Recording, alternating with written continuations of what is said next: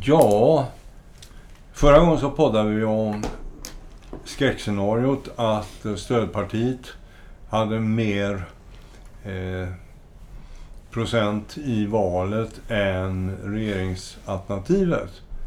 Det blev inte riktigt så dramatiskt som vi hade som scenario, men bra nära. Och nu står vi inför en regeringsbildning här. Det blir ganska spännande. Eh, hamnar vi där vi slutade förra gången i en MS-regering eller blir det en L, M, KD-regering med... Eh, eller blir det en eh, regering där till och med SD deltar? Det, är rätt, det finns många, många eh, vinklar på det här. Men, men jag är ändå tillbaka på min favoritvinkel. Nämligen att varför inte ha en högerregering som fördras av sossarna istället för en högerregering som eh, stöds av Sverigedemokrater? Eh.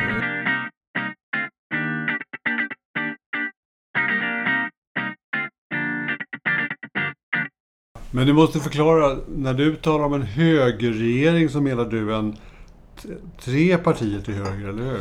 Två eller tre. Två eller tre? Mm.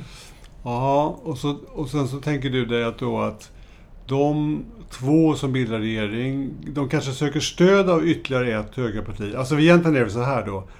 Moderater och kristdemokrater kanske är de... Om det blir en liten regering så kanske det är de som bildar själva regeringen då. Ja, då. Eller med L med. Eller med L, ja. Om nu inte aktivt stöd från Sverigedemokraterna krävs. Mm.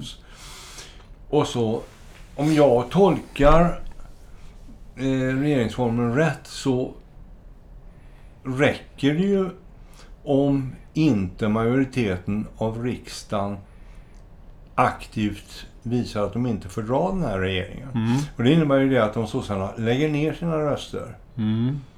så skulle vi kunna ha en regering med... Eh, Jaha, du menar en regering där, så, där Sverigedemokraterna redan inser att den här regeringen kommer föra politik som vi sätter oss emot? Ja, alltså då är frågan... Eh, eh, Sverigedemokraterna har ju 20 procent. Mm. De kan ju inte fälla regeringen. Nej. Eh, men Sverigedemokraterna och Centern och Vänsterpartiet kan inte heller göra det tillsammans. För de kommer inte upp i 50 procent. Så om sossarna lägger ner sina röster, Mm. Ja, då kan man bilda regering på de, eh, eh, vad det nu blir, 25 procent som, som regeringsunderlaget ger. Och det skulle vara ganska intressant, för om man vill lägga, om man vill sätta Sverigedemokraterna patt, Mm. så är ju detta ett, ett eh, intressant möjlighet att göra det på. Alltså då, då har ju regeringen svagt stöd, men inget öppet motstånd. Och sossarna Mm. har öppnat för att stödja regeringen när det gäller sakfrågor. Och Därför att vi, alltså då är det ju ändå så att vi tror att det finns, det finns en del, en hel del viktiga sakfrågor där vi egentligen tror att klyftan mellan de här tre borgerliga partierna och Socialdemokraterna är förhållandevis eh, liten. De skulle kunna manövrera sig igenom, försvarspolitik är inget problem alls. De skulle förmodligen kunna manövrera sig igenom en, en eh, ordent, ännu mer ordentlig satsning på kriminalitet och stävja den. Eh, de skulle trassla sig igenom själva den ekonomiska politiken som naturligtvis just nu är jävligt krånglig. En inflation som vi inte riktigt vet var den kommer ifrån och som verkar otyglad på något sätt. Va? Det finns ju ingen större skillnad på hur socialdemokrater eller moderater skulle hantera den gissar jag. Sen är det här med bränslepriser och gaspriser och, och sådär som, som kräver liksom omsorg. Men, men eh, det är inte så att det är så mycket höger och vänsterskala egentligen på det. Och om Socialdemokraterna inte är bundna utav Miljöpartiet Mm, så ja, är just det det. lättare för dem Ja, att göra kompromisser åt höger. Precis. För att folk ska kunna köra bil på landsbygden och, Mm. och, och den typen av frågor. Ja. Så det borde vara möjligt. Idag viktiga frågor skulle kunna lösas i Ja, en migration och integration Ja, ja, ska man också kunna komma överens om. Och ja, då kommer vi tillbaka till det där dilemmat som man har om man har en formell eller informell mitten Mm. eh, regering. Och det är ju Mm. det. Ja, oppositionen, det blir ytterlighetspartierna, Mm. Ja, ja, Sverigedemokraterna och Vänsterpartiet som blir Mm. opposition. Visst. Men om sossarna inte aktivt stöder den här regeringen utan bara fördrar den. Mm. Då kan ju de vara opposition. Även om de gör upp i migrationsfrågan eller Mm. polisfrågan eller så. Va? Alltså vad det här, jag, jag tror ändå att man måste, innan, man vågar, innan vi vågar satsa på det här som, som en nationell lösning, så måste man räkna igenom procenten. Därför att det kan ju hända hemska saker som att Vänsterpartiet och Sverigedemokraterna går i en ohelig allians plötsligt. Jo, men då får de 26 procent. Ja, det, Eller- det, eller- nej, men om det är klart. Och, Eller 27. Ja. Ja, och klart att om det, om det är moderater, liberaler och kristdemokrater så övertrumfar de det. Och så kan Socialdemokraterna fortfarande vara passiva i själva röstandet. Det är faktiskt sant.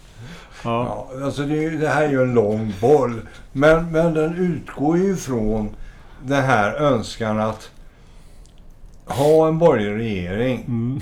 Ha någon form av samsyn över blockgränserna i dessa hårda tider. Ja. Och, måste jag erkänna, lite att sätta Sverigedemokraterna patt. Mm. För jag har svårt med Sverigedemokraterna, även Visst. om jag kan fördra dem när det gäller det här att, att eh,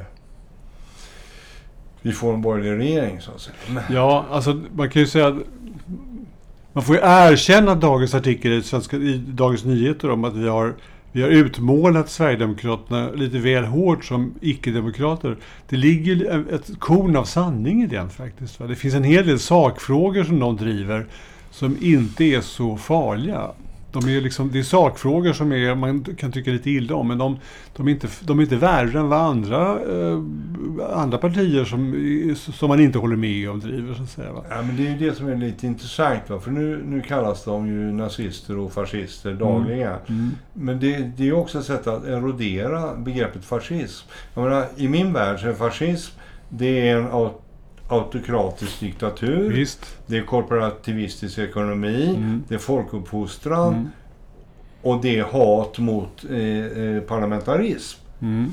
Och, Och och, yt, yttrandefriheten är förtryckt. Ja, ja. ja. Och inget utav det har, har ju Sverigedemokraterna i sitt program. Nej. Sen när vi kallar dem för fascister så skulle ju liksom Mussolini och andra skulle ju skratta. Ja, det är riktigt. Nej, men det är det här, utan problemet tycker jag, mitt eget problem med dem, det är att de om och om igen visar att de inte riktigt vet vad demokrati är. De, de liksom, det- verkar inte som att de förstår sig på demokrati. Det var svårt att skilja på Putin och, och, och ehm, Macron och sådär när man, när man frågar dem bara. De kan inte, de kan inte riktigt vilket avgöra vem som är bäst eller sämst och sådana dumheter. Och det, då blir det hela lite larvigt. Ja, men det är väl det som är det otäcka, att vi misstänker som Mm. goda liberaler att det Ja. finns en undertext Ja, som är fascistisk. Fast de är smarta nog att inte visa den i Ja. sitt partiprogram. Och jag är inte säker på att den är, jag är inte ens säker på att den är som, just som du säger, att det inte, kanske inte är fascism direkt, men den kanske är kanske är allmänt odemokratiskt på något sätt. Ja. Får vi makten ska vi göra lite andra saker. Eh, Är det, är det inte odemokratiskt? Nej, men det är bara det är ju tack för, det är för att vi bestämmer, så kan man göra så här. Alltså lite allmänt sådär odemokratisk eh, tanklöshet på något sätt. Va? Och det är Ja. illa nog. Ja, och de förstör ju sådana saker som public service-frågan. Ja. Därför att det är en valböld som ska opereras bort. Ja. Men det är det ju inte. Nej. Däremot kanske de, det är en, en företeelse som behöver reformeras och Precis, kanske ska ha 6,5 miljarder i Precis. budget och inte 9. Visst. Men genom att vara så dramatiska i sina utspel kring, Mm. kring yttrandefrihet och, och Sveriges Radio och så vidare så låser de ju Mm. en sån debatt. Alltså det går inte Mm, att ha en ja, visst. konstruktiv debatt om hur stort ska public service vara och vart ska inriktningen vara och så vidare. Och, och det tycker jag är... Det, det gör att de inskränker det öppna samtalet på något Ja. sätt. Ja, de. Ja, men om vi fortsätter då. Så det här borde ju vara möjligt. Då kan man ju direkt tänka sig den här, um, ska man säga. Det blir ju också, får man erkänna, till, till viss del skulle den kallas för en ohelig allians. Men vi tänker oss att det ändå finns ett sånt, en sån form av samarbete. En borgerlig trepartiregering och ett, någon form av samförstånd med Socialdemokraterna. Alltså. Det, alltså, då undrar man så här, vad, var någonstans finns ett... Det, det låter ju enkelt när du och jag pratar om det, men finns det nå- något problem i det? Ja, jag kan tänka mig att... För det första kan jag tänka mig att de som då framför allt kommer revoltera, gissar jag, är eh, rörelsen i socialdemokratin. Jo, Alltså att man, att man inte hela tiden är arg motståndare till en sån regering. Utan tvärtom är... att Man, skulle kallas för medlöpare och, och massa såna här saker. De skulle behöva få ordentligt betalt för detta. Alltså, jag tror att Moderaterna skulle få offra karensdagen och jag tror att de skulle ja. få offra någonting på pensionsområdet.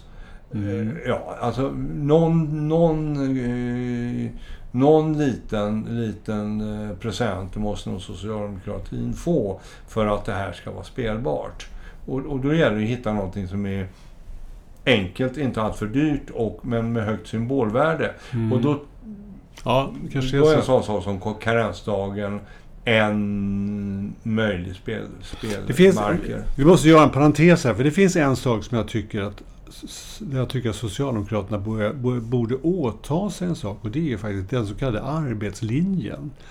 Alltså det vill säga att bidrag och alltihopa ska läggas på en nivå som gör att det är fullständigt självklart att man tjänar mer pengar om man jobbar. Det vill säga att man tjänar något mindre pengar om man är bidragstagare. Och sen kan det vara hur, hur Alltså anledningen till bidragen kan vara nästan vilka som helst. Men det är ändå så att det får, man får finna sig i att är man, är man bidragstagare så har man inte riktigt samma ekonomiska möjligheter som om man har ett vanligt arbete. Alltså en så kallad arbetslinje. Jag tycker det var... Jag tycker att den, den förra... Den förra borgerliga regeringen drev det ganska hårt och bra egentligen. Alltså. Det, för det finns en princip i det. Jo, Som, det som jag tror är, har enormt förankrad i det svenska folkdjupet. Som dessutom är socialdemokratisk. Ja. För det är ju det, alltså, eh, gör din plikt, kräv din rätt. Det är Precis. rakt upp och ner. Problemet där är statsfinansiell. Och Alltså, om man nu ska svära i kyrkan, och då blir ju Socialdemokraterna arga på mig. Men det stora problemet här är det att de lägsta lönerna i Sverige efter skatt är så nära existensminimum. Så att om du ska ge folk Mm. 14 200 kronor inklusive bostadsbidrag Mm. från ena hållet. Och så ska du se till att det är 2 000 kronor Till, i, ja. i hygienavstånd till de som kommer från andra Till hållet. lönen, ja. Då, då måste ju då den som tjänar för sitt arbete och har 30 i marginalskatt. Han måste ju tjäna så han får ut Mm. 16 500 kronor Mm. Ja, efter skatt. Ja. Och då måste han upp i löner som ligger över vad en skyttesoldat har eller vad ett vårdbiträde har. Där sitter ett stort problem. Va? Mm. Därför att det är så många människor som tjänar förhållandevis lite. Ja, det andra sättet att lösa det på, det är ju att göra någon form av flatskatt. Och, och säga det, okej, det kommunala självstyret består, men det är 28 procent som är kommunalskatt i hela Sverige. Mm, just det, oavsett uh, Och- var man bor. Så, För, då, för, för kommunalskatten är ju en flatskatt. Mm. Och när den börjar komma upp i 32 Ja. eh, procent, då är den ganska drakonisk mot Mm. människor som tjänar visst. 22 000 eller Visst. 24 000. Så alltså att eh, den är inte lätt att lösa, men, men den bör lösas därför att den är ett sår i samhället nu. Det märker man på sociala medier. Det är väldigt mycket debatt om detta. Om stackars mamma som jobbat ett helt liv och får ut mindre i pension än, än eh, någon som inte har jobbat alls Mm, och så visst. vidare. Mm, det där är inte bra alltså. Där tycker jag att där tycker jag Moderaterna har haft ett, de har ett bättre öga för den, det dilemmat på något sätt. Ja. Och, och, och det är en sak med att man håller på fram och tillbaka med, med de här skatteavdragen och sådär. Men det finns i det finns en grundläggande samhällssyn, eller en, en syn på en viktig del i samhället. Där Socialdemokraterna är lite, alltså de ser inte riktigt på något sätt. Ja, men dessutom har de ju sin. Alltså när man kommer in i debatter med människor på, på vänstersidan i den här frågan så är det ju alltid det här att den underprivilegierade eh, Mm. sitter i en situation som inte han kan påverka. Mm. Och när man då säger att ja men det finns ju massa människor som är sjuka, som har dåliga förutsättningar och så vidare. Men så finns det också några lättingar. Och det är lättingarna vi är ute efter Mm, då reser sig raggen på, på många vänstermänniskor. För de tror inte det finns lättingar. Alltså de tror inte att det finns folk som medvetet utnyttjar system och sådär. Och då säger jag så här, ja, men tänk då på att det finns så mycket kriminella. Eh, De är ju också en form av lättingar. Jo, men det finns ju, det finns ju en lättja som kan man säga är långsiktig. Därför att Därför att uh, det svenska skolsystemet har varit öppet och ganska tillgängligt i så här 70 år. Mm. Att vi överhuvudtaget ska sakna arbetskraft som har hyfsad utbildning, det är, ju, det är ju bara ren slarv från oss individer som inte har gått i skola ordentligt. Det, det, är klart som sjutton att om alla hade läst sina läxor och, och framförallt lite mer matematik så skulle ju svenska industrin och näringslivet blomstra. Vår arbetslöshet skulle snarast vara i 3%, området istället för 7 eller vad det är idag. Alltså. Och det är en, också en form av långsiktig livslättja på något sätt som, som har skapat det. Vi har 130 000 invandrade IT-ingenjörer från Indien. Ja, och varför har vi det? Jo, därför att inte vi har IT-ingenjörer själva så det räcker. Det är ju bara rent slarv. Ja, det, där är och det, är, och det är en lättja som är liksom inte den, den, är inte... den syns ju inte nu. Utan det, det, det, samtidigt kan man höra vittnesmål. Ja, men jag har sökt 110 jobb och jag har inte fått någonting. Ja, det är inte så konstigt. Du har ingen skolutbildning överhuvudtaget. Du mm. läste inte läxorna. Mm. Du lärde dig ingenting av det systemet som var satt att... Som, som, visst, det finns brister i det. Men hade du öppnat läxboken så hade du förmodligen fått ett jobb. Det där, det där, och det där är också något som man refererar Skolfrågan som jag har diskuterat i olika sammanhang är ju så svårhanterad. Därför att många har en ideologi som säger att flit inte behövs. Alltså, ja. Alltså, mm. Det här att traggla är omodernt. Mm. Och om det är så att det behövs traggel så ska vi ta bort det. Eh, och, och, och, kan vi inte lära oss matte, ja då slutar vi med det då. Och så importerar vi matematiker från Ukraina. Och, och det, det, det, det ligger någonting i detta som är rätt intressant. Alltså vad är det som gör att västerländska barn ska slippa ja. anstränga sig? Ja. Men vi, vi glider iväg i olika parenteser. Tillbaks till grundfrågan. Skulle detta vara möjligt? Eh, med en allians mellan den här trepartiborgerliga regeringen och med en form av ska vi säga, stöd fast icke-stöd av Socialdemokraterna. Men ändå att man vilar på att Socialdemokraterna inte räcker upp handen när, när de inte ska räcka upp handen. Låter bli. Ja. Och skulle detta vara lättare att smälta för moderater och socialdemokrater än en ren mm. formell allians? Ja. Och, och, och, det är ju alltså... Jag har inte sett det här förslaget i någon offentlig debatt. Så förmodligen är det ett väldigt, väldigt, väldigt öppet och lång, eh, långbollsförslag så att säga. Men, men, men det, det är ändå lite intressant va? I, I serien Ha kakan, äta upp den. Men vi måste också gå igenom en annan sak. Alltså är det så att det finns krafter inom Moderaterna och Kristdemokraterna som också är tveksamma till ett stöd med SD. Därför att det, förutsättningen är att man ser en fördel med att inte ha SD som med sig på vagnen på något sätt. Va? I Liberalerna anar vi att det finns ett ganska kraftigt sådant stöd i partiet. Men frågan är om det finns ett motsvarande stöd bland Moderaterna. Om vi ser Moderaterna framför oss kan man ju se så här. Att, att, att, att liksom samarbeta med Socialdemokraterna tar nog emot. Även om man kan komma mm. överens i en och annan sakfråga så kan jag tänka mig att bara tanken att man har ett, ett samarbete är störande på något sätt. Ja, då är frågan, är, är det på samma sätt bökigt att ändå eh, att eh, Kristersson har, har börjat tala med Kristdemokraterna, nej förlåt, med Sverigedemokraterna. Förstår du vad jag menar? Finns det inom framförallt Kristdemokraterna och inom Moderaterna en svårighet med att uh, ha Sverigedemokraterna med sig på vagnen? Jag tror till och med det finns en rädsla. Jaha. Jag tror, jag tror att det är så här att det stokastiska beteendet hos de enskilda riksdagsmännen i Sverigedemokratin gör att man hela tiden kommer att gå... Alltså, Kristersson kommer inte sova lugnt en enda natt. Därför att helt plötsligt är det någon som, som, som är avhoppare och blir politiskt vilde. Eller så är det någon som uttalar sig idiotiskt. Eller någon som slår någon med ett järnrör. Alltså, hela tiden.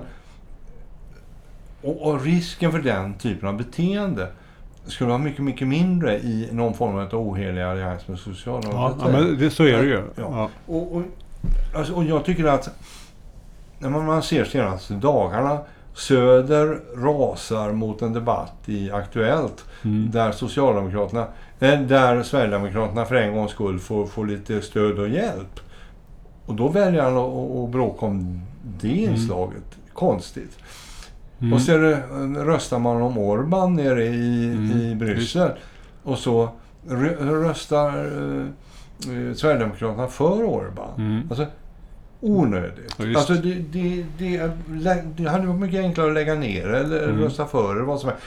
Av PR-skäl inför, inför... Men det finns, det finns förmodligen inom Sverigedemokraterna en omogen skara som sätter någon form av egen princip före allting annat. Och de tror jag både kristdemokrater och moderater är rätt skraja för. Det är klart att det är illa om Moderaterna blir beskyllda för att... Nu, nu ser ni hurdana Sverigedemokraterna är. Det är flera sådana här där man röstar på Orban-situationer. Är det där era partner i det svenska parlamentet? Det, den är ju inte kul alltså. Nej. Och, den, alltså, och det dyker upp sådana situationer om och om igen. Och, och, så finns det ju säkert några gömda putinister inne i, i det här partiet. Precis som det förmodligen mm. finns på den här DDR-listan ett annat namn i de andra partierna som man skulle bli lite överraskad av. Alltså det, det finns en osäkerhet kring det hela som gör att jag är inte så... Jag, är inte, jag tror nästan att Moderaterna skulle kunna svälja förtreten att ha underhandsöverenskommelser med Socialdemokraterna bara för att slippa eh, och sova dåligt på nätterna. Och då, och då om vi, vi antar att det är så, då, då antar vi att det är en liknande situation inom, inom Kristdemokraterna ju.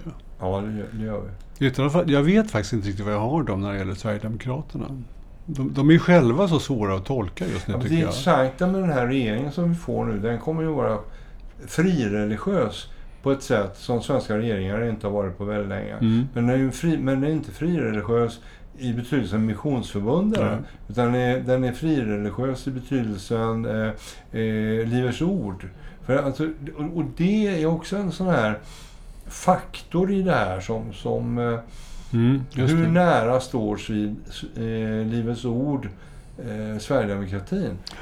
För de är ju också en ganska, ska jag säga, svårdefinierad mm. ideologi när man på vänster-högerskalan. Mm. De, de, de, de, de, kan tänka sig vara extrema, man vet inte vilket håll riktigt de blir extrema. Och det är tillfälligtvis också. Det, är inte, det finns ingen tydlig linje i det hela. Nej. Och det beror naturligtvis på att det handlar om tro. Mm. Och tro är absolut. Och vi som inte tror, vi har svårt att förhålla oss till tro. Ja, men det är ju som Nyans går ut nu och säger att det är valfusk. Mm. Och då säger någon så ja bevisa det då. Ja. Det behövs inte för Nej. att eh, det är valfusk. Mm, eh, undertext. Allah har talat om för mig att det är valfusk. Mm. Den, där, den komponenten som finns både hos, hos eh, Livets Ord och hos eh, islamister. Den, den, är, nu kanske jag är väldigt orättvis mot Livets Ord här. Jag vet inte så mycket om det egentligen fördomar. Men, men det finns någonting där som gör mig i alla fall lite orolig. Mm. Om, vi, om vi tänker oss att det här lyckas. På något sätt så blir det regering i alla fall. Så ja. Och, eh, och så tänker vi oss att det här blir av. Eller det blir ändå en regering som, som får um, makt på något sätt att börja regera. Jag kan inte att bli fundera på... Det, det, här är egentligen en annan hopp, fråga. Hoppan, hoppande majoritet ja, blir det. Ja. Men det här är egentligen också en ny parentes. Alltså, vad är det de borde ta itu med mest? Jag undrar om inte det ändå...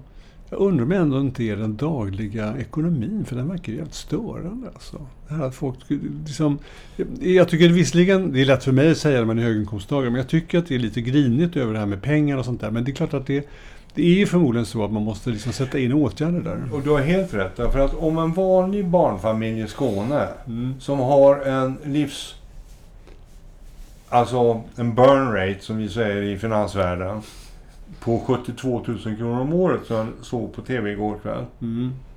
Den familjens burn rate kommer att öka med 90 mm. 000 kronor ja, nästa precis. år.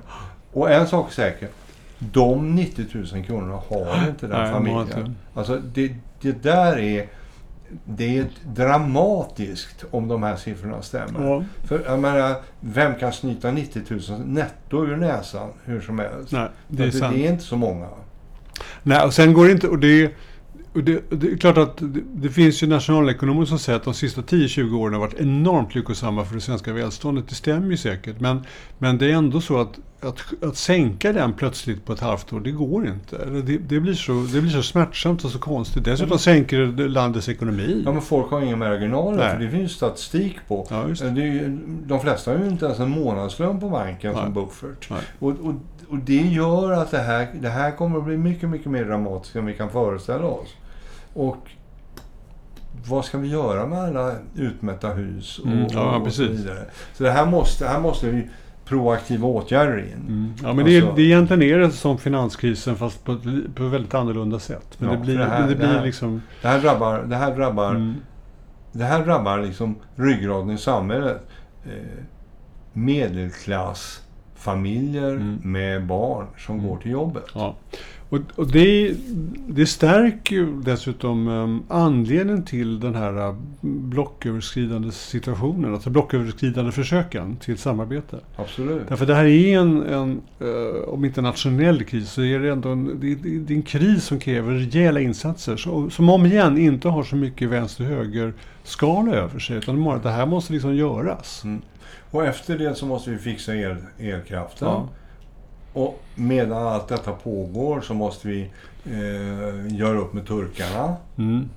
Så att Mm. NATO-frågan kommer kan jordas. Ja. Ja, alltså, så det finns, det finns en del sådana här akuter som måste lösas. Ja. Men, men, men, men och jag kan ja. föreställa mig att Socialdemokraterna innerst inne är ganska nöjda med att just nu inte behöva hantera turkfrågan. Mm. För, att, för den kommer inte bli lätt. Nej, den är intressant alltså. Ja. Men det låter ju ändå som att alltså själva, vad ska vi kalla det för? Förutom vår egen idé om att det här skulle kunna vara ett bra samarbete så frågorna som ligger på de statsbärande partiernas bord är, är också av typen sånt att samarbete skulle vara väldigt lönsamt. Eller skulle vara bra för landet. Jo, jo nej, men det är ju, det är ju Och de behöver inte försvara sig. på Ja. samregerings, precis. eh, Så att de behöver- samhällsregeringsnivå. Ja. visst, att de har lättare att försvara sig bakåt menar jag, till sina egna trupper. Mm. Ja men visst, vi gör det här nu under några år. Vi måste igenom det här. Ja. Eh, och därför så är det ett samarbete. Visst, de har alltid varit våra fiender. Nu är de tillfälligtvis våra, eh, inte, om inte vänner så allianspartners. Eh, Ja, my och- enemy's enemy is my friend. Ja. Det, det, låt oss göra det möjligt av det skälet. Ja, det ska bli spännande. Jag, jag kan inte låta bli att jag... Just nu så läser jag en bok om eh, Tyskland direkt efter andra världskriget. Och det, det är intressant att se, det bildas ju otroligt mycket konstiga allianser i, i då framförallt Västtyskland. Eh, av många olika slag som egentligen skulle vara ideologiskt sett helt fördärvliga. Men där, där eh, de vinnande makterna såg att det bästa sättet att bygga upp landet, det bästa sättet att få ordning på landet är ju att det börjar byggas upp så att Mm. ekonomin så att säga blir, reser sig. Mm.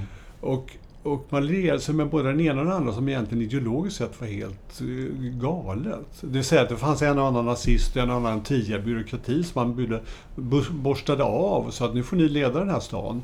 Så att vi får ordning på, Ja. på, på det här. Och under överseende av en, av en eh, amerikansk överste eller general och sånt där, självklart. Men, men, men ni känner ju folket där, så sätt igång nu för sjutton och bygg nya broar och, och husen och skolor. Precis, det, all- precis allt det som man inte gjorde i Irak.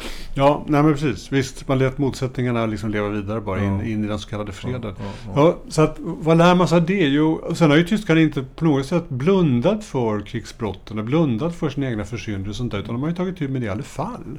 Och då lär man sig att, att egendomliga allianser i hårda tider behöver inte vara skadligt, utan tvärtom kan vara helt nyttigt egentligen. Och eh, kan vara värdefullt i alla fall. Ja, men och, alltså, och, leda all, framåt framåt. allting som kan sätta mat på bordet Ja. och se till att folk inte får ett elände Mm. är ju av godo i den Ja. typen av situation. Mm. Alltså, Tyskland var ju en, var en stenhög Verkligen. eh, efter kriget. Mm. Att få folk att börja sortera stenarna är ett överordnat gott, så att säga. Mm. Ja, ehm, så eh, vårt råd är alltså att ehm, låta de tre, mm, två kanske, eller de tre partierna som, som vi känner till sedan gammalt, bilda gärna en regering. Eh, och så låter ordet försiktigt eh, treva er fram mot den, den, det stora partiet med röd färg också. Så Precis. I valet mellan pest och kolera ja. så är kolera bäst. Mm.